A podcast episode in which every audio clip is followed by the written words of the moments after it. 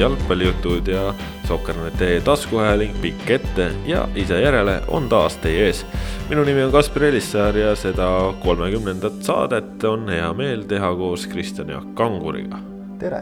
täna siis jah, natuke teistmoodi, esmakordselt kahekesi stuudios ja stuudio ka meil tavapärasest natukene erinev, ehk siis ega ta reaalsuses stuudio ei olegi.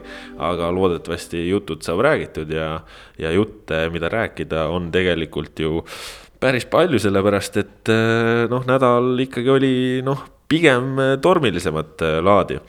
ja võib-olla kõige tormilisem oli see nädal isegi pühapäeval mängulises mõttes, kui me läheme siit kohe premium-liiga juurde, siis. Transpaide mäng, noh, justkui au peale mängimine, aga, aga Kristjan Jaak, sa ise olid seal Narvas kohapeal ja, ja ega see oli vist ikkagi pigem nagu vihasemat sorti lahing. Ei no au peale mängimisest, nüüd ainult au peale mängimisest oli asi selles mõttes ikka väga kaugel, et, Paidel oli ka väga palju mängus, Transil jah, äh, au peale mäng suuresti, sest noh, nende jaoks viies koht, kuues koht, no oleme ausad, nad on seda ise ka mõista andnud, väga suurt vahet seal ei ole, aga, aga noh, Transi jaoks on praegu positiivne see, et, et nad on suutnud hooaja lõpus sellise vaimu jälle üles leida ja, ja meeskond olla ja, ja mängivad äh, ilusat jalgpalli edasimineku plaanis kindlasti oluline. aga jah, kui me läheme selle võitluse juurde, noh siis seda oli seal rohkem kui vaja oleks võib-olla isegi, et, et äh, Viktor Lotnikov üritas seal sõna otseses mõttes Martin Kasele molli anda, ma ei oska seda teistmoodi sõnastada. Äh, pääses. Ja, ja noh, õnneks nagu pääs, päris käest ära see mäng ei läinud, et, et tõsi, see jäi jah, see episood jäi kohtunikel märkamatuks. juhtub tuleb ilmselt selle kohta öelda, et noh, muidugi jah, ideaalmaailmas oleks pidanud nägema, kas ennekõike ilmselt siis abikohtunik äh, Veiko Mõtsnik, noh, ütleme võinuks näha. aga nii nagu peakohtunikul Juri Fischeril, nii ka temal oli ilmselt pilk oli selles olukorras, kus oli pall ja, ja, ja noh, jäi nägemata ja ütleme, et, et lõppkokkuvõttes, kuna Paide ikkagi võitis selle mängu, siis, siis noh, selles mõttes vähemalt nagu tulemust kuidagi ei, ei vääranud ega ei, ei pööranud, aga Paide tegi Paidet järjekordselt. ehk äh, Trans üllatas neid natukene oma asetusega, seda tunnistasid Paide mehed ise ka, et oli väike üllatus, võttis natukene aega, enne kui selle sellise neli-üks, neli-üks asetusega harjuti. Äh, Roman Nesterovski mängis siis, kes mängu ei näinud, mängis äh, alumise poolkaitsjana, kaitsva poolkaitsjana.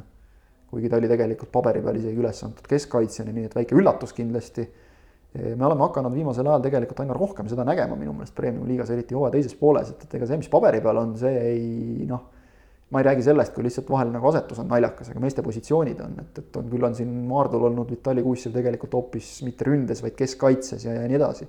Noh, loomulikult on selge, et, et kaua sa siin ei üllata niimoodi ja, ja noh, Kuressaare on siin eriti veel Jan Mažinski ajal on näiteks Elari Valmase positsiooniga niimoodi vangerdanud väga uljalt mööda väljakut ringi, et siis kui vile käib, siis alles näed, et kus ta tegelikult mängib. aga see õigus treeneritel on ja, ja noh, sellest võib ju täiesti aru saada, et, et tahetakse natukene puru silma ajada ja, ja noh, mõnes mõttes see isegi näitab nagu sellist mingit tõusnud taset, et, et selline eeltöö on kõva ja, ja noh, on aru saadud, et, et midagi üllatavat peab pakkuma, et nii ei saa kogu aeg, et ma lähen mängin oma mängu. et noh, küll ära tuleb. aga sellest oma mängust rääkides, Paide just nimelt oma mängu mängis ja, ja, ja mängis kannatlikult ja said oma ühe värava lõpuks kätte ja kolmas üks-null võit sel hooajal Transi üle ja, ja noh, oluline on see Paide jaoks selle tõttu, et äh, sõltumata sellest, kuidas nüüd teisipäeval järelepeetuvas mängus äh, Kaljul läheb Maardu vastu, isegi kui nad võidavad, siis nad lähevad Paidesse ikkagi äh, järgmisel või noh, sel pühapäeval nüüd siis juba tagaajaja positsioonilt. ehk et ma arvan, see on psühholoogiliselt on päris oluline, et kui Paide oleks pidanud olema selles jälitaja positsioonis siis oleks olnud võidukohustus juba neil ja, ja kes äh, võib-olla siin veel seda Plotnikovi olukorda päris täpselt ei, ei näinud või, või ei ole jõudnud vaadata, siis Sokkernetis Youtube'is on see video on eraldi olemas ka, aga, aga lühidalt jah, esimese poolaja noh, keskel enam-vähem suurusjärgus Plotnikov, äh, transiründaja ja Martin Kase Paide keskkaitsja sattusid duelli, jooksid seal võidu, käisid käed ühtepidi, teistpidi ja siis noh, Plotnikov reageeris Kase käitumise peale sellega, et, et ikkagi normaalselt noh, äsas, äsas näkku, aga. ta üritas minu meelest nagu isegi kaks korda, et kui ühe käega ei saanud, siis teisega järele kohe. aga, aga, noh, ja ütleme, et, et noh, ongi, mis näitab, et ilmselt ka nagu Kase puhas poiss ei olnud, sest noh, Plotnikov oli kulm lõhki pärast ja sealt ikkagi verd lahmas, nii et korralik andmine seal oli ja, ja see lõppes siis sellega, et kohtunik näitas mõlemale kollast kaarti ja noh oli näha, et, et seal midagi oli ja, ja noh, ilmselt oli ka arusaadav, et see moment võiski nii-öelda kohe momendil kahe silma vahele jääda, sest noh, pilgud ei olnud sinna suunatud. ja, aga noh, lahendus on selline, ehk siis saame näha, kas, kas siit midagi veel järgneb või mitte, igatahes väga Oot, palju kõneainet see olukord pakkus. mind just huvitakski, et, et kuidas meil sellist asja lahendatakse, sest nagu sa ütlesid, kollane kaart sellest olukorrast tõusis ehk et eh, noh, nii-öelda oma karistuse mitte ainult verise kulmu näol, vaid siis ka distsiplinaari mõttes sai, sai Plotnikov eh, kätte väljakul. ja, ja noh, tegelikult eh, selline kirik keset küla lahendus Fischerilt, kes sellega ilmselt võttis maha niisugusi noh, inimlikke ja samas tobedaid tagasitegemise pingeid mis sellises mängus noh, null-nulli pealt emotsionaalselt laetud mäng olid kindlasti vägagi olemas ja õhus. et selles mõttes noh, nii-öelda halbadest valikutest parim, et, et kui ta seda ei näinud ja keegi tema abilistest ka ei näinud, aga ta nägi nagu noh, nad nägid silmanurgast ilmselt ära, et seal midagi oli, mingi löök või mingi liigutus oli, aga et kui sa täpselt ei näe, siis noh, on kuldreegel, siis ei saa anda punast kaarti, kui sa ei ole päris kindel. samamoodi oli tegelikult teisel poolajal oli üks mingi niisugune olukord, kus äh, ma tunnistan ausalt, et jäi ka mulle natukene sel hetkel täpselt märkamatuks. ka hea näide lihtsalt sellest, et korraks vaatad natukene kõrvale ja pöörad tähelepanu millelegi muule. täpselt äh, seal kommentaatori positsiooni ees ka toimus vahetus ja, ja mulle tundus, oli vist olukord, kus, kus Fischer noh, kahtlustas nagu tagasisöötu, äh, mille Marko Merits kätte võttis ja, ja, ja pöördus siis, noh, vilistas mängu seisma, pöördus siis äh, neljanda kohtuniku poole. aga Kristo Küljastinen sel hetkel äh, oli hõivatud vahetuse läbiviimisega, Trans tegi just vahetust sel hetkel. ehk et tal oli seal mängija, tal olid paberid, tal oli tahvel ja, ja ta ütles ausalt, vastas kohe, ma ei näinud, ma ei vaadanud sel hetkel. ja mäng jätkus lõpuks nii, et Fischer vabandas, näitas, et minu viga, et vilistasin ja mäng jätkus kohtuniku palliga. ehk et äh, tuleb ka selliseid olukordi ette, jah, loomulikult ideaalmaailmas siukseid asju ei juhtu. iga vile, mille kohtunik annab, on, on kindel otsus, aga noh.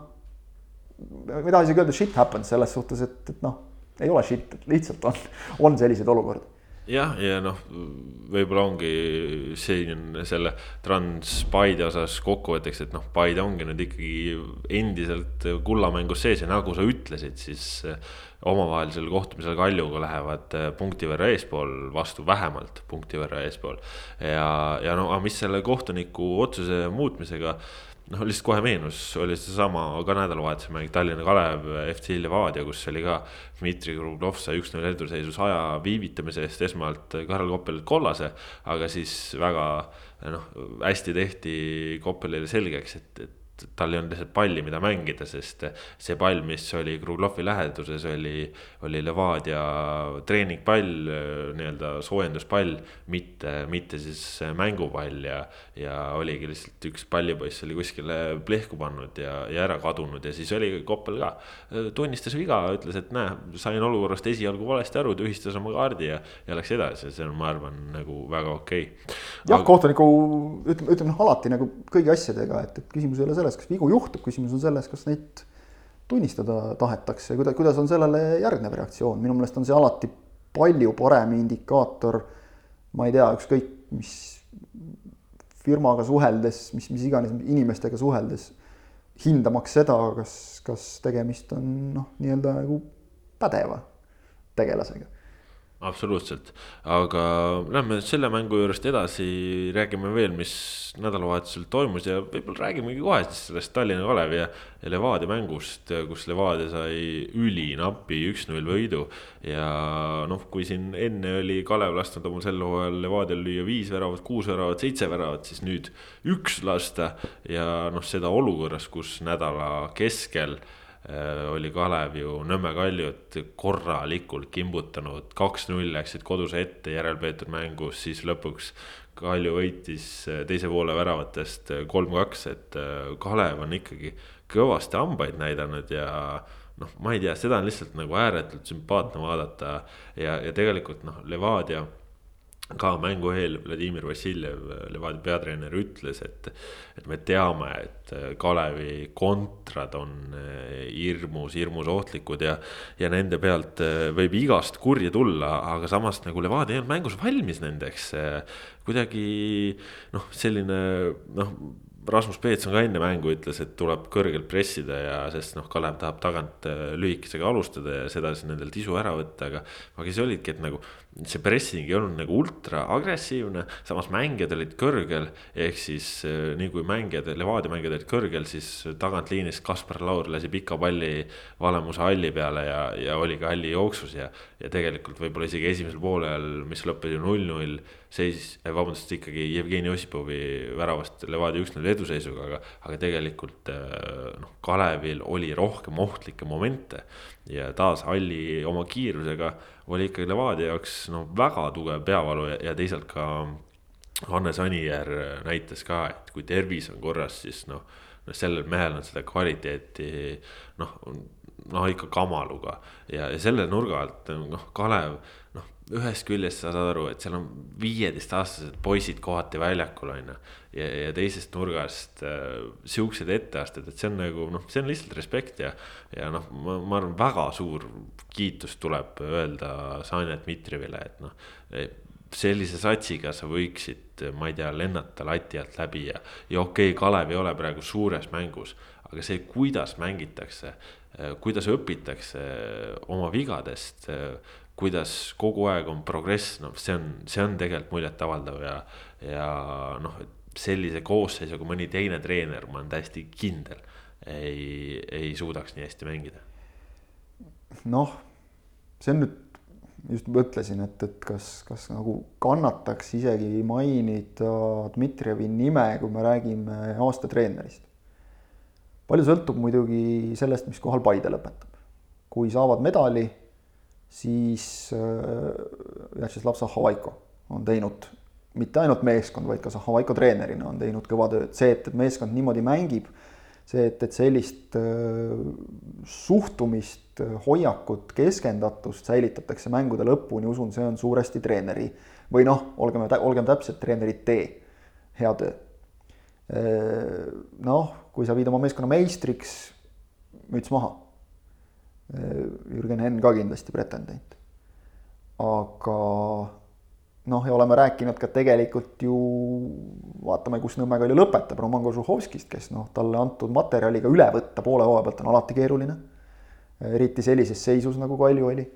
et, et kui me nüüd puhtalt premium-liigast räägime, siis, siis ka Kožuhovskil noh, minu meelest ütleme, on teatavaid argumente, miks teda võiks vähemalt nagu kaaluda selles valikus top kolme vähemalt. no ma, ma arvan, et Kalju fännid ise selle näidatava mängupildi osas. jah, ilmselt küll, ilmselt aga, küll, aga ma kardan, et seal on natukene rohkem on asi, ütleme meeskonna noh, seda ma tean, et, et see nagu pannakse peatervenisti Sergei Frantsevi süüks.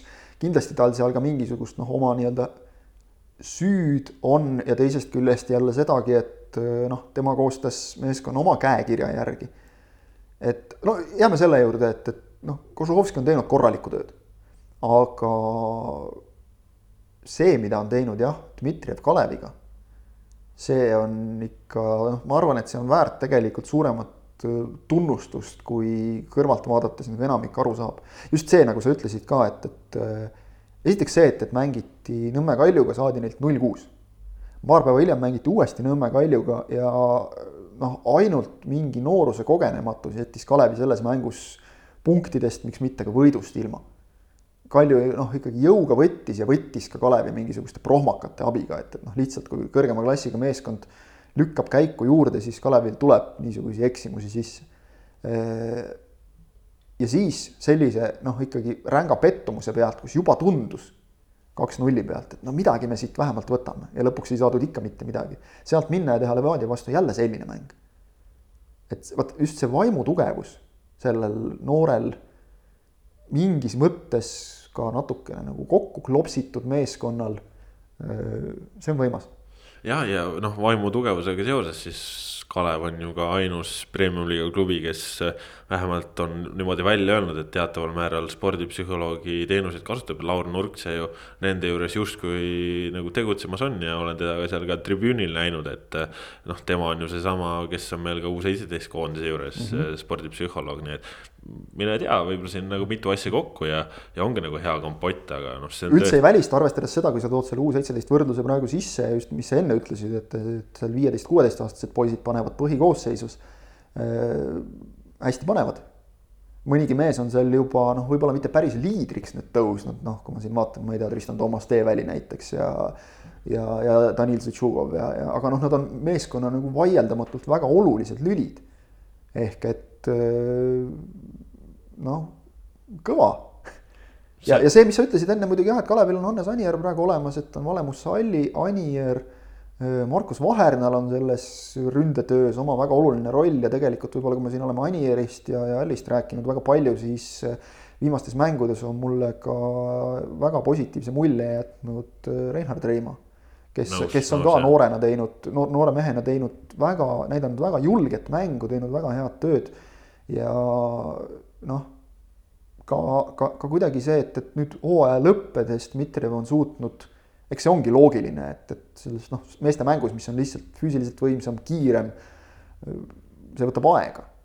aga, aga et, et mehed saavad aru, miks nad väljakul on, mida nad seal tegema peavad, mis on nende roll mingis asetuses sel, selles osas on minu meelest Kalev tohutult arenenud ja, ja, ja noh, seda tahaks selles mõttes rohkem näha, et noh, minu jaoks isiklikult on, muidugi on ka põnev vaadata, kuidas selline hooaja eel kokku pandud meeskond toimima hakkab, kuidas treener sellega hakkama saab.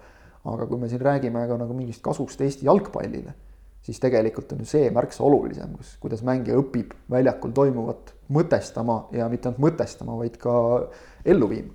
jah, ja noh, Kalevi puhul no peab ära mainima, et Andres Raudsepp võistkonna kaptenina on ka ikkagi noh ma siin Levadia vastu vaatasin ka, kuidas noh, ühel hetkel ta keeras lihtsalt seal ka, ma ütlen, Morelli pealt ära ja, ja pani lihtsalt Morelli eest jooksu, Morelli ei jaksanud enam teda taga ajada, aga no,. Nagu Raudsepp Raudsepp ikka läks, on ju. minu jaoks Raudsepp on noh, nagu selles mõttes sellest arutelust liht, lihtsalt nagu nii-öelda. klass kõrgemal. laua, noh, selles mõttes nagu laualt maas, et ta on palju kõrgema laua peal juba niikuinii oma tasemelt, et.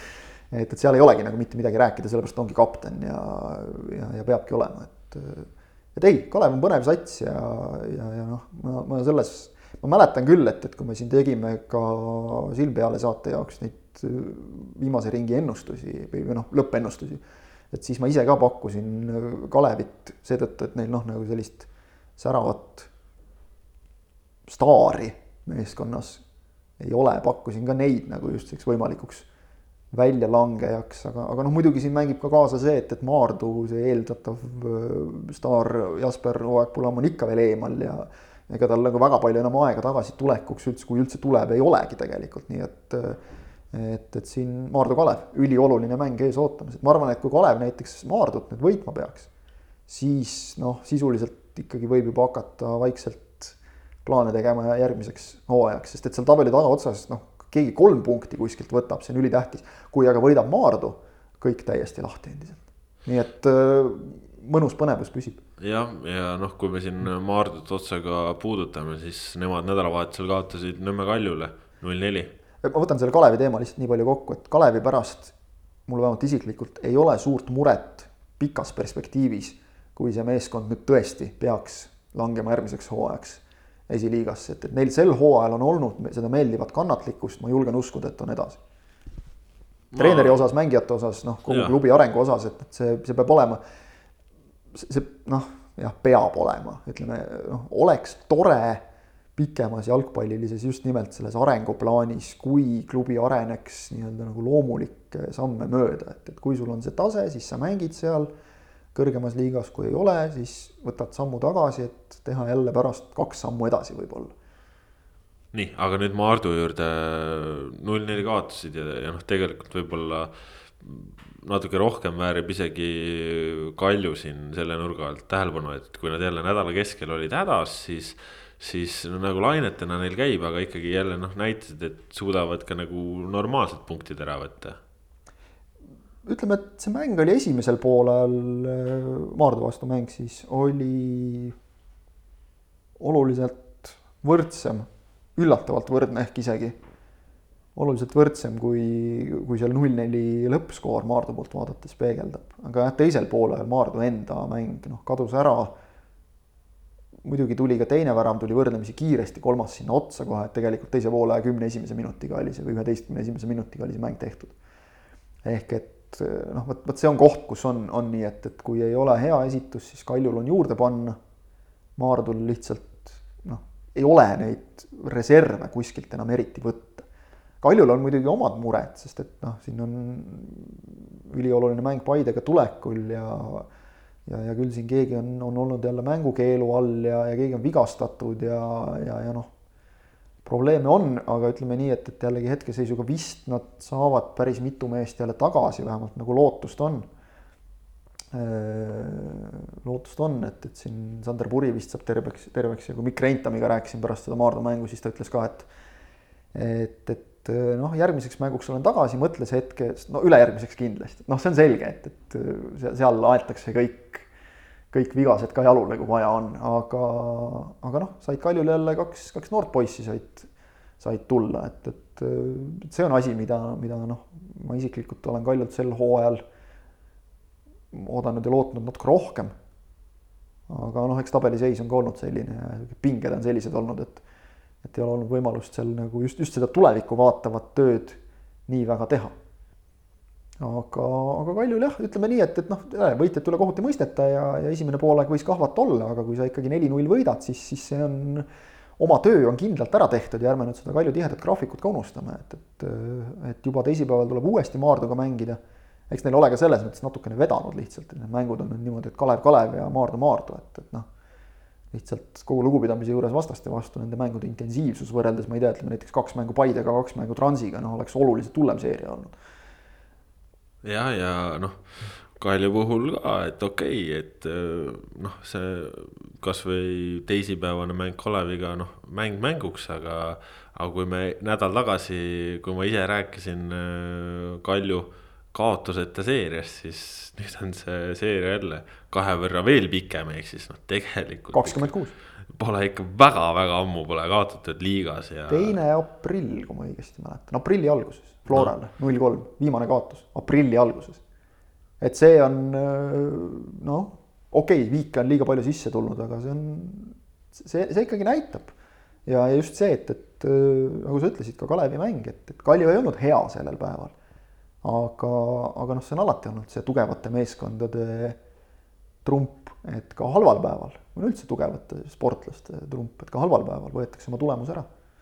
alati on, on mees, kes veab, et, et noh, siin Igor Subbotinist oleme ennegi rääkinud, et jälle ta seal tegi, kui ka näiteks Max Matal ei olnud võib-olla kõige parem päev, noh, tema päev on ka, sõltub sellest väga palju, kuidas talle suudetakse palle toimetada.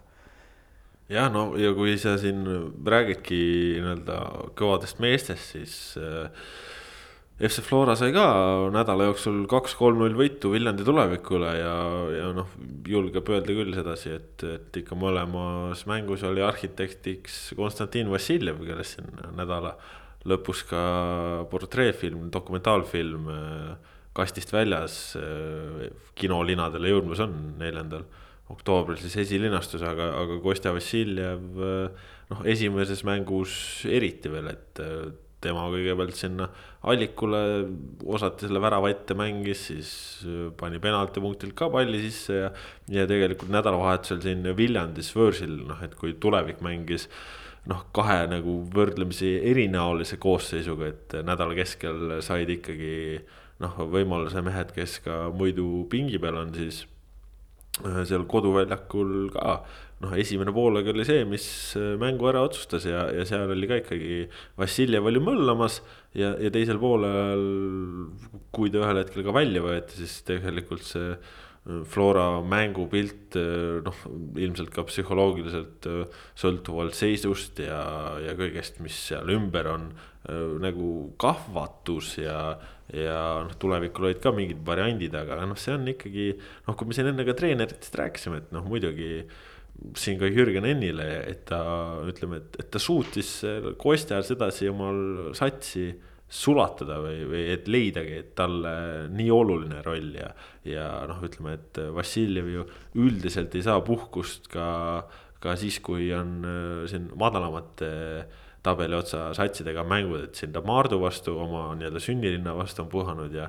ja siin paar korda on Kalevi vastu puhanud oma hea sõbra Sanja vastu, et pole pidanud, on ju, aga noh, ühe korra mängis. süvariik, ma ütlen selle peale. kõik on, kõik on kokku leppinud. ühe, ühe korra mängis, siis lõi ju värava omal sünnipäeval, nii et. et noh, seal see noh, tema olulisus on, on oluline ja, ja, ja noh see on hea statement, et siin... sa ütlesid õigesti, just see sulatamine minu meelest on võtmesõna, et eh, noh, oleme näinud mingites mängudes, et see lööb ka natukene välja ja kuidagi on suudetud see kohe jälle maha tõmmata, et, et noh, ei vahi ainult Kostja otsa. Mm.. ehk et eh, noh, ütleme nii, et hea mängija ei ole mitte ainult see, kes või noh, ongi, ei ole see, kes eh, soolotseb, vaid see, kes teeb teised enda ümber paremaks ja täpselt seda on Vassiljev terve selle hooaja teinud ja ega muud siin väga selle Flora ja tuleviku nädala kohta polegi võib-olla öelda, Henri Järvela ju iluvärav, äh, suurepärane sooritus no,. Enar Jääger tagasi, see on, see on kõige, kõige vingem asi tegelikult üldse nende kahe selle suhtes, et mees oli, oli ilmselgelt ka, ka ise oli, oli lihtsalt noh, kes teab Enar Jäägerit, see teab, et äh, öelda tema kohta, et silmnähtavalt üliõnnelik on, on suhteliselt haruldane võimalus, aga seekord ta seda oli ja, ja noh lihtsalt tohutult hea meel on tema pärast, et ta on nii, nii palju igasugust jama pidanud üle elama ja, ja, ja tahaks loota, et, et, et, et nüüd millal iganes see, see joon alla tuleb sellele, mis tehtud, aga, aga võiks, võiks ju veel koondises ka ikkagi teha mõne no,, mõne kõva mängu. Et, mis, mis joonest me räägime, siin on vormi ja koondisesse, et sihukest kindlust ja. ei no lihtsalt see, et, et rohkem jamasid ei tuleks, see oli nagu jah, minu mõte, et, et aga, aga ei muidugi, siin on ju meest on seal veel, mängumeest on seal küll ja veel, et, et, et äh, andku minna ongi ja noh, lõpuks ju ega koondist ei peagi alati võtma ka sellise hetkena, et oo oh,, et meil on siin nüüd mingid punktilootused on läinud, et noh, palju meil neid punktilootusi ikka on, aga alati peavad parimad vennad väljakul olema ja, ja kui Jäkk suudab ennast mängida parimaks vennaks siin. ma ei tea, noh, ütleme, et ega tal järgmiseks aastaks praegu lepingut ei ole, aga, aga kui ta selle saab ja, ja ütleme, et on premium liigas Flora mingi põhikeskkaitse, noh muidugi noh eks ta väike noh, risk ole selles mõttes. ma arvan, Flora võtab ta iga kell, siin ei ole üldse küsimust. aga, või, või ükskõik milline premium-liiga klubi, seal ei tohiks küll midagi mõelda olla, iseküsimus on see, et, et noh, kas ta premium-liigas kellegi teise kui Flora eest tahakski mängida aga noh, välisklubiga on lihtsalt see, et, et kas nüüd keegi võtab riski, aga teisest küljest on ta näiteks ikkagi noh, Norras endale, ma arvan, juba piisavalt nime teinud, et et, et. no Jaksi kvaliteedis ei saa keegi kahelda. just, just ja ma mõtlen ka noh, välismaal ikkagi, et ta on juba seal nagu peaks olema jalgpalliringkondades piisavalt tuntud. et öö, oleks, oleks ju tore jah, ja siit on meil veel puudutamata eelmisest nädalast äh, ka üks nädalavahetuse mäng eile, hilisõhtune Tartu Tammeka. FC Kuressaare neli-null ja Franklin Okoye show äh, oli ta lühidalt, et Okoye seal kõigepealt laksas peaga, siis pani kaugelt ja tähistas mõlemat nagu Cristiano Ronaldo, nii et ja noh, ütles ta juba eh, pärast meile ka Sokkernetile, et et oli tal juba kodust välja tulles sihuke tunne, et täna on hea päev ja. ja kuigi Sander Kapper ütles, et trennis need kauglõigid lähevad tavaliselt sinna Sepa staadioni kõrval olevasse Konsumisse, siis. Noh, nüüd leidis värav üles, kuigi seal Rauno Tutk ulatas ka ikka korraliku abikäe, tõsi küll, täitsa kogemata. noh, peab oskama niimoodi ka lüüa, eks ole, et, et lööd õigele mehele vastu pead ja sealt läheb sisse ma rõhutaks siinkohal seda fakti, et äh, Konsum Sepa staadioni kõrval ei ole mitte otsad nii-öelda noh, värava taga, vaid, vaid ta on niisugune tubli nelikümmend viis kraadi nagu veel vasakule sealt, et äh, saavutus omaette, aga, aga jah, noh, selge on see, et, et ega need keskkaitsjate löögid üldiselt sinna just noh, Taavi... saab, saabki vist Eesti, ma arvan, et saab siit tegelikult kannatab, eks see on meie enda teha natukene, aga Eesti jalgpallifolkloori saab täpselt nagu Tafka pommi kõrvale saab selle uue mõiste ka, et, et need, need läksid sinna Konsumi poole. et, et noh, nii ta kipub üldiselt olema, aga, aga õigel hetkel tuli ja, ja tegi ja noh, selles mõttes väga märgiline nagu Tammeka selle hooaja mängu suhtes jälle, et, et keegi ikka lööb, et ega väga vahet ei ole, keegi ikka ära paneb ja, ja noh, muidugi Kuressaarel on jälle märgiline see, et, et keegi, keegi neile ikka ära paneb jälle, et, et. ja, ja ise ei pane. üheksateist säravat löönud see hooaeg, et see on ikka päris nukker number ja no oli ju ta, ega ei saa öelda, et variante ei oleks olnud. ja, ja just täpselt. aga noh, Märten Opp ei olegi väravlööja, et äh, Märten Opp ei ole ka ääremängija, aga ometi ta äärel mängib praegu, nii et. Äh, jah, seal on seda kõvasti, vot nüüd see positsioonidega vangerdamine, et, et noh, ma saan aru, et et sa pead nii-öelda sellest samusest noh, nagu saia enam ei tee sepikutki voolima lihtsalt, et, et ega ei ole Dmitri Skalašnikovil kerge ja, ja ta üritab noh, nagu ta, ta, ta, ma saan aru, et ilmselt tema mõte on see, et ta on üritanud mehi nagu natukene mingisugusest noh, vormist nagu välja raputada või, või kuidagi mingitest noh, ühesõnaga midagi nagu peab tegema selleks, et mehed ärkaksid ja, ja tegelikult ju ikkagi Maardu vastu toimis, samas noh, tuli seal ka penaltist see värav ikkagi jälle, et, et et mängust löömisega on Kurel ikkagi suuri-suuri probleeme ja ja see Maardu alistamine tegi nende elu kergemaks, aga kui siin noh, vaadata Viljandi tulevikust, me enne libisesime nii sujuvalt üle, sest noh, ei olnudki mõtet nagu neist üldse rääkida, aga tuleviku hooaja lõpp on äh, ikkagi niisugune suhteliselt noh, selgelt parem kui teistel. et, et neil on seal omavahelisi ja noh, ütleme, et isegi nendest konkurentidega mängudest ei pea sealt kaugeltki kõikide, kõiki võitma, et, et noh, on võimalik nagu väga varakult enda jaoks asjad maha rahustada no ega siin Kurel, ongi no., Kuressaare jaoks ongi sel laupäeval kell üks Kuressaare linnastaadionil kodumäng Viljandi tulevikuga. no ainus reaalne punkti võtmiskoht sel hooajal veel, kui sealt saad kolm punkti, siis on Maardu sinust noh, tõenäoliselt seitsme punktiga taga ja siis on vähemalt üleminekumängudel viiv koht olemas ja, ja on asi mureta. aga, aga noh, ongi, see on nendel viimane võimalus ja kui seal ei tule, vaat siis on asjad no, keerulised. siis, siis jääb veel äh, sihuke tõesti nagu pöidlat peos istumine kuni viimase mänguni, kus on võimalik, et Narva Trans, kellel on äh, tegelikult ka vastaste mõttes kerge, noh, vaata et kõige kergem see hooaja lõpp, viimased neli mängu olid vist kõik tabeli nelja viimase meeskonnaga. Äh, kui nad on viimaseks vooruks kindlustanud endale Tammeka ees viienda koha ehk et äh, midagi püüda ja kuskile kukkuda ei ole, siis noh, teoorias on nagu mingi variant, et tuleb Kure sinna või, või Trans sinna saarele nagu kuidagi natukene pika sõidu järel sirgema jalaga. no samas Kalašnikovile hooaja viimases just, mängus kaotada, et see ikka käiks au pihta, selles mõttes on jah, Kure endale siin ise auku kaevanud, aga, aga noh jah, see, see oleks ikka nagu selline, et, et selle peale nüüd lootma jääda, no ei, ei. Ja muidugi selleks oleks võib-olla tegelikult selles mõttes juba kõik selge, et, Maardu ei saa punkte juurde ja, ja noh, ongi vahe neli enne viimast vooru ja, ja tehtud. ja samas Aga... siit tegelikult huvitav paralleel nädala keskel oli ju karikamäng Kuressaare, Narva Trans. Kuressaare seal lõi äh, mängust värava.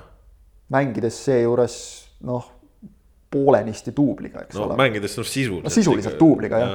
ja et seal ei olnud isegi Kalašnikovi kohal, said üks-kolm kaotuse. Ja, ja noh, seal Trans mängis äh, täie jõuga nii-öelda täiskoosseisuga. ja, ja Kuressaare siis nagu öeldud, äh, noh tavapärasest algkoosest oli kohal ainult Märten Pajunurm, kes mängis keskpoolkaitsjana, andis seal Andrea Pirloliku väravasöödu Marek Suursaarele. aga, aga noh, see oligi, noh tema mängis, sest ta Tammeka vastu ei saanud mängukeelu mängida ja Tammeka vastu jäi mängukeeluga eemal ka Elari Valmas on ju, kaks olulist lüli. et noh, kui nad nüüd nädalavahetusel tuleviku vastu on olemas, see võib midagi tähendada, aga noh, siit edasi hüpates, et ütleme, et, et kui see Kuressaare äh, suutis seal kohati Transiga mängida oma kodus no ikkagi sümpaatselt siis, siis võib-olla nii-öelda Kure esindus, noh, et noh, aga see on teoreetiline, teoreetiline, et reaalsuses nad peavad nädalavahetusel tulevikku võitma ja kui võidab tulevik, siis on tulevikul korras, sisuliselt. sisuliselt küll, jah. Et noh, see on ikkagi väga-väga otsustav mäng, pärast seda jääb äh, neli vooru minna. nii et äh, kruttige ennast nädalavahetusel laupäeval Sokkaneti lainel, sest otsepildist me selle mängu teieni toome me saame nüüd teisipäeval selles mõttes ka nagu asjad lõpuks homme paika, et äh, siis on kõikidel meeskondadel võrdselt mänge, et ei pea seal enam mingisuguseid linnukesi kuskile tabelisse tegema ja tärne juurde. vot, aga ma arvan, ongi paslik need premium-liiga jutud siit äh, praegu kokku võtta, on sul midagi lisada, ega vist? ei, saime kõik puudutatud. otseselt mänguliselt mitte. nii et äh, läheme, läheme noorte juurde, räägime noortest ka natukene.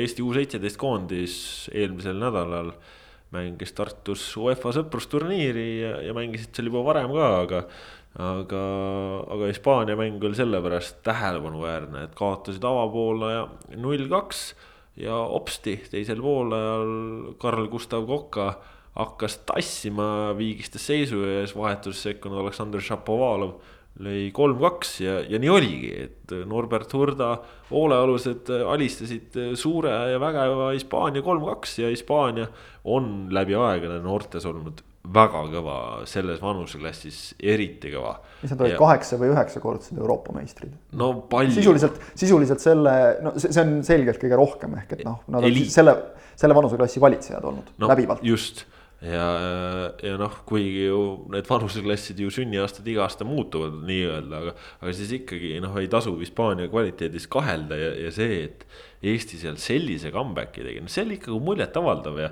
ja, ja see räägib ka sellest, noh, üks asi on, on mängijate mingisugused tehnilised oskused, aga, aga see vaimutugevus, see on ikkagi jalgpalliväljakul no. nii, nii määrav. me ja... just rääkisime sellest spordipsühholoogist enne, et, et kui sa oled saanud kaks esimest mängu null kaks ja noh, oleme ausad, mängupilt ka vastas vähemalt null kahele nii Portugali kui ka Sloveenia vastu. vot nii julm ei oleks, sest. no Portugali vastu okei okay,, võib-olla noh. seal nagu ise tehti. null kaks ei ole julm skoor ka.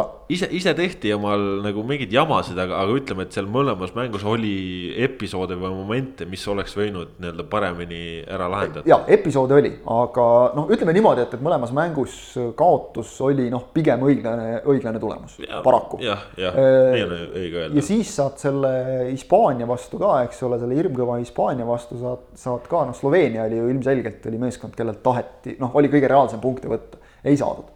siis saad selle Hispaania käest, saad ka esimese poole null kaks, sul on mingisugused äh, Barcelona ja Reali mehed seal vastas, eks ole.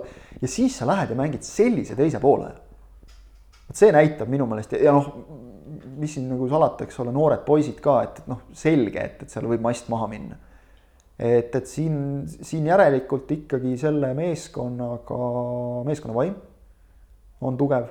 muidugi siin aitab väga kõvasti see, et, et ärme unustame ära selles mõttes noh, kõik teised Eesti koondised on nagu natukene, kaasa arvatud A-koondis, on nagu natukene ebavõrdses seisus, kui me neid võrdleme selle U17-ga, et nad on lihtsalt niivõrd palju on see U17 koos olnud. no iga nädal sisuliselt käivad kord. see ongi sisuliselt noh, nagu klubimeeskond, kus, kus on kogu aeg ollakse külg külje kõrval, ega see tuumik ei ole ju suures plaanis nüüd siin selle aasta jooksul nagu hirmus palju enam muutunud tegelikult. ja ega ka ju ütleme, selline ideaalne algkoosseis on no, üpris, üpris selgelt välja joonistunud. nüüd küll juba ja noh, peabki ja. olema selles suhtes, et seda punti tuleb nüüd noh, veel nagu lihvida, eks ole.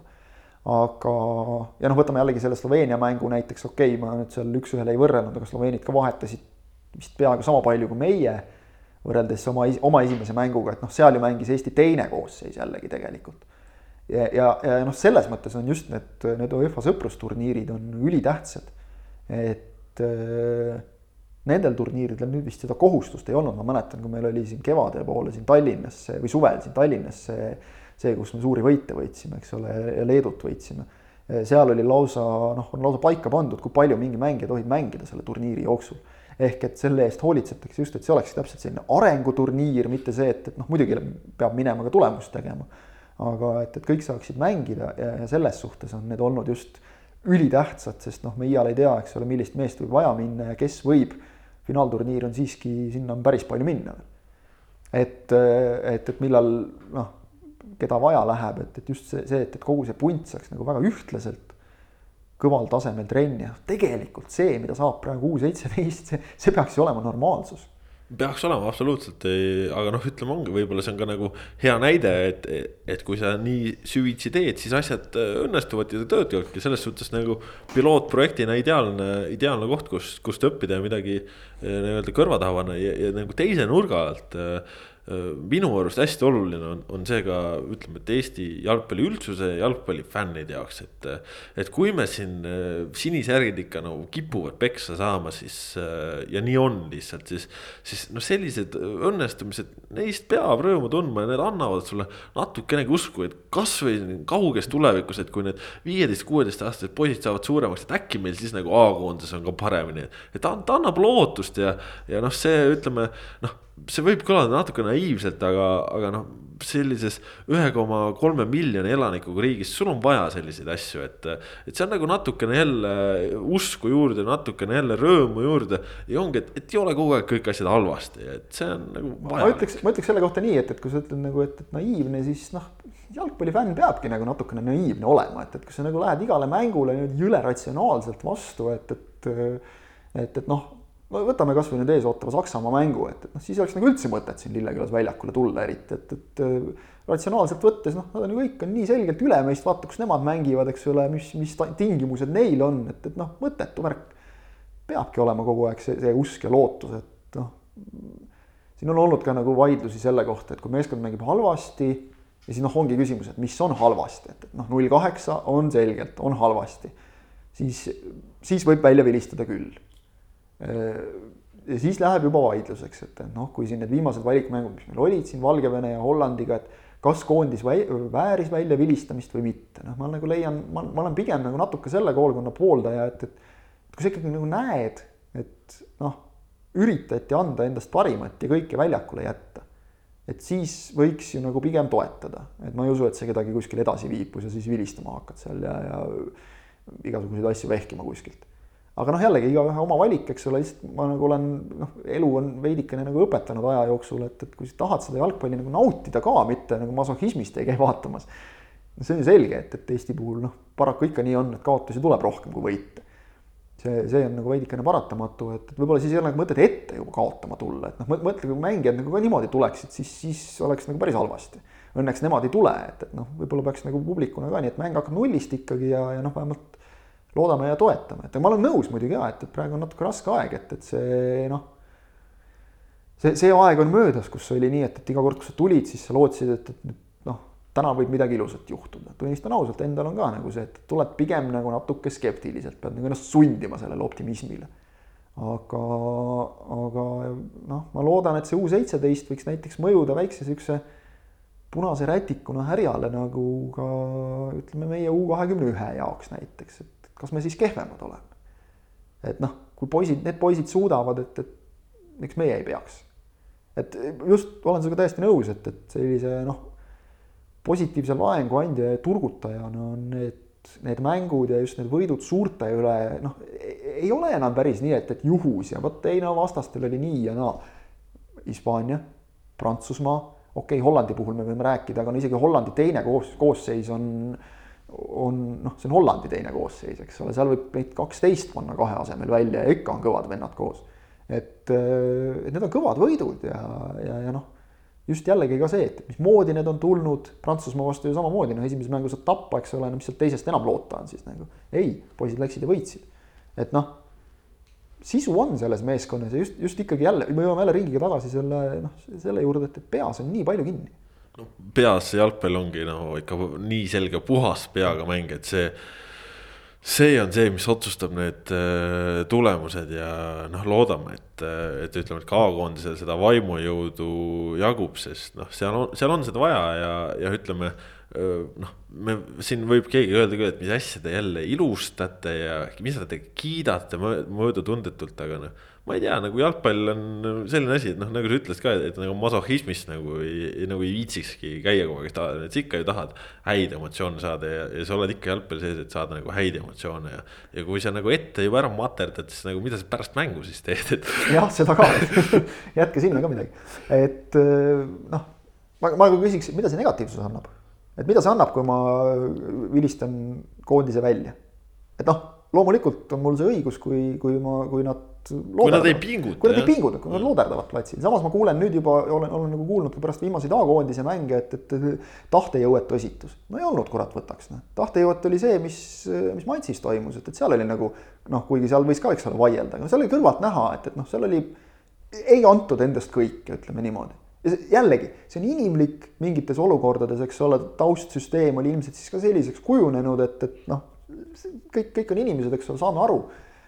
noh, oli vaja teha oluliselt mingisugused muudata, muutuvad sammud, tehti, minnakse edasi, proovime nüüd teistmoodi. et noh, kui sa kohe nagu alguses hakkad, et aa, ei tule nii ka välja, no siis ei tulegi ilmselt. aga jah, see, see U seitseteist koondise hoiak, me võime nimetada seda, ma ei tea, noh, lapsikuks või lapselikuks või naiivseks. aga kui tuleb intervjuud andma pärast seda Hispaania mängu kaks väravat löönud Karl Gustav Koka ja ütleb, et, et aga ei, meil oligi poole ajal oli see, et, et ei huvita, lähme välja, lööme nad noh, maa sisse ja saame kangelasteks. muidugi see kõlab niimoodi kirja pannes natukene nagu naiivselt kuidagi, eks ole aga, aga võib-olla, aga võib-olla ta ongi veel just täpselt teistmoodi nagu ei saagi ja tegelikult teistmoodi ei tohigi, et see hoiak tulekski endas tegelikult säilitada noh, kõikidel mängijatel nii-öelda lõpuni välja. Ehk et äh, see, et, et noh, ma ei karda keda kuraditki. muidu ei ole mõtet platsil minna absoluutselt ja, ja kui me siin oleme selle usu ja lootuse ja helgema tuleviku soonel, siis äh, kahtlemata lisas seda ka, ka nädalavahetuse uudis, kus äh, U üheksateist koondislane Georgi Dunjov, kaheksateistaastane ründav poolkaitsja, oli pingil Spalli mängus Serie A-s Torino Juventusega. see nagu kõlab natukene absurdselt ja, ja siin me võime rääkida noh, et äh, kuidagi avansina antud kohta, mis iganes, Georgi Dunjov Serie A-s pingil. no siuksed vendasid, meil ei ole Serie A-s pingil peale Ragnar Klavrit kedagi olnud, nii et. et noh, siin mõned koondise legendid on mänginud Serie B-s on ju, aga, aga Serie A-s, et sa oled pingil, noh, see on kõva sõna, see on äh, ülikõva sõna. Sorry äh,, täiesti ilmselgelt äh, Euroopa viies tippliigas pingile avansina. kui selles klubis ei ole just noh, ma ei tea, mingi totaalne jama käimas, äh, ei võeta mitte kedagi sa pead ikka mängumees olema. ehk et äh, jõuda ikkagi noh, nagu noortest sinna. Dunjov ei jõudnud endast Eestis väga suurt märki maha jätta, välja arvatud sel, selles osas, et, et ta väga noorena debüteeris Narva Transi eest. ja noh, oli skeptikuid, kes, kes ütlesid ka, et, et tal oleks pidanud siin võib-olla noh, veel aastakese mängima ehk et et, et noh, natukene veel arenema saama meestemängus kogemusi, ma mäletan teda, kui ma nüüd vaatan fotosid, noh siis on ikka selge, et, et noh, poisist on mees kasvanud, et ta oli, ta oli ikka isegi noh, nagu noore poisi kohta, kui sa siin vaatad mõnda, kas või neid Kalevi neid kuueteistaastaseid, siis, siis noh, annab juba nagu peale vaadates mehe mõõdu välja, et Jonjov oli juba siis väga kleenuke ja, ja ma mäletan, noh, ma ise mõtlesin ka nagu nii, et äkki läks nagu natuke liiga vara aga teisest küljest noh, see ju sõltub nii palju ka, ka, ka mängija iseloomust kes mehistub, kes jääb põdema hoopis võõras keskkonnas. kindlasti on keeruline, aga noh, ma arvan, juba nüüd praegu selle järgi võib öelda, et Dunjov on seal läbi löönud. Ehk et ta on ennast mänginud pildile. see, kas ta nüüd ka Serie A-s siin nagu noh, veel, veel sinna pingi peale saab või ta mänge kirja saab, aga, aga ilmselgelt on ta treenerite silmis ennast, ennast pildile mänginud noorte seast, sest oleme ausad, kui palju sul on tippklubides noh, neid neid kohti, kuhu võetakse sinna meeskonna üldse tõesti sellesse mängupäeva koosseisu. selliseid noh, seitsmeteist, kaheksateist aastaseid. Neid kohti on võib-olla üks kuni kolm maksimaalselt. ärme nüüd unustame, kellega ta seal konkureerib Itaalia oma poistega, eks ole, Spalli enda igasuguste kasvandike kõigiga. et, et järelikult selles vennas midagi on see oli, see oli tõesti kõva, nii et äh, Georgi Dunjov, ma arvan, võime siin tead otsapidi isegi tead nädala kangelaseks ta, ta ära tituleerida, sest see on, see on saavutus. ja noh, meil on siin äh, Itaalias varemgi käinud mehi akadeemiates ja, ja mujal, aga, aga esinduse pingile pole jõutud ja, ja noh, Torino ja Ostos vastu, Torino Juventus vastu pingil olla, noh, see on noh jah, sa võid öelda, et mis asja, et ta ju ei saanud mängugi, aga nagu see, et sa sinna jõuad, see on nagu. ei no jah, mängu ei, mängu ei saanud, mängu saavad alati, mängu saavad alati pingi pealt ainult kolm meest, eks ole, et maksimaalselt, et. et, et see, see ikkagi nagu näitab, et noh, selles vanuses noore mehena nagu treenerid, esindusmeeskonna treenerid arvestavad temaga. Ja see, ma, ma leian, et selle vanuse kohta on, on väga nagu okei okay saavutus ja siuksel noh, karjääri loogilisel nagu arenguredelil viis pluss. No ja kui siin meeskonnast ja sellisest rääkida, siis, siis räägime ka ühest turvameeskonnast põgusalt no oli intsident sellesama U seitseteist turniiriga Lõuna-Eestis, üks äh, Viljandi huviline, kes tantsis, suruti maha ja no tehti muid asju, joped katki seal, mis iganes, on ju, aga, aga noh, see intsident on saa-, kirjeldatud ära igal pool, Sokkernetis, kõikjal mujal. sellest on hästi palju räägitud, aga, aga noh, mida nagu ise tahaks öelda, on, on lihtsalt see, et äh, kommunikatsioon kommunikatsioon on nii oluline ja, ja kui sa sellega paned võssa, äh, siis sa lihtsalt noh, lased oma maine nii täis. jõuame ringiga tagasi selle juurde, millest oli saate algul juttu. et äh, kõik me eksime vahel. oluline on see, kas on oskust ja ma ei tea, mehisust, julgust oma vigu tunnistada ja teha järeldused.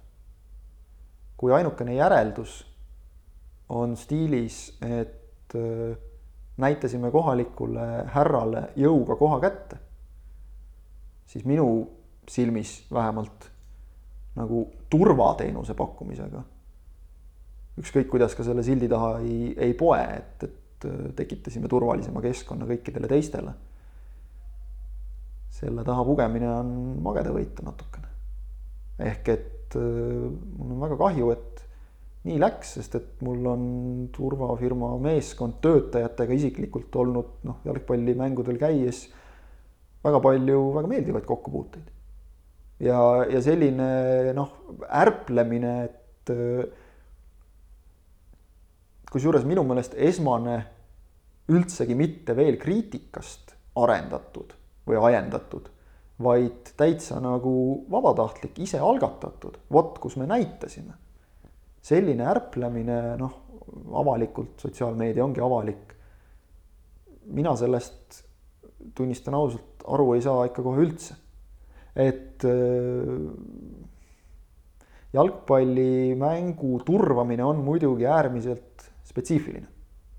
võrreldes kas või äh, noh ütleme ka mingisuguse kontserdi või, või, või klubiürituse turva, ööklubi ürituse turvamisega, kus, kus ilmselgelt on ka igasuguseid joovastavaid jooke ja, ja tarbinud ja muidu sellises joovastavas meeleolus kodanike kontsentratsioon noh, mitte just madal.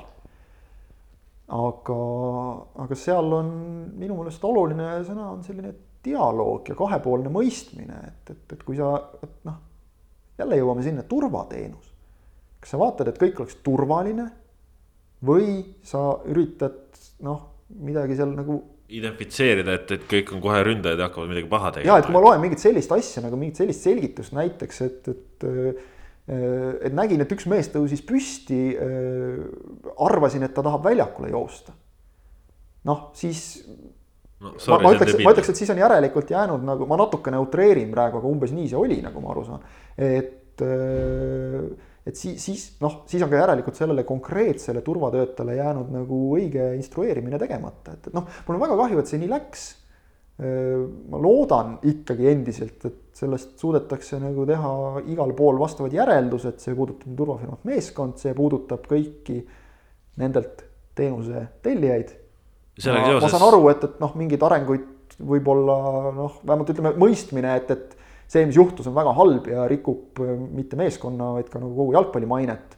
ja seda ei ole vaja, et, et see on mingitel tasanditel ikkagi vägagi olemas, see on kõige tähtsam jah, sellega seoses meil oli üks kuulaja küsimus ka ja, ja sa vist enam-vähem praegu ka nagu enam-vähem otsapidi äh, vastasid. jah, tervitan kuulajat, kes meile meili teel küsimuse saatis, et, et see, ma loodan, et see sai vastatud arenguid on loota.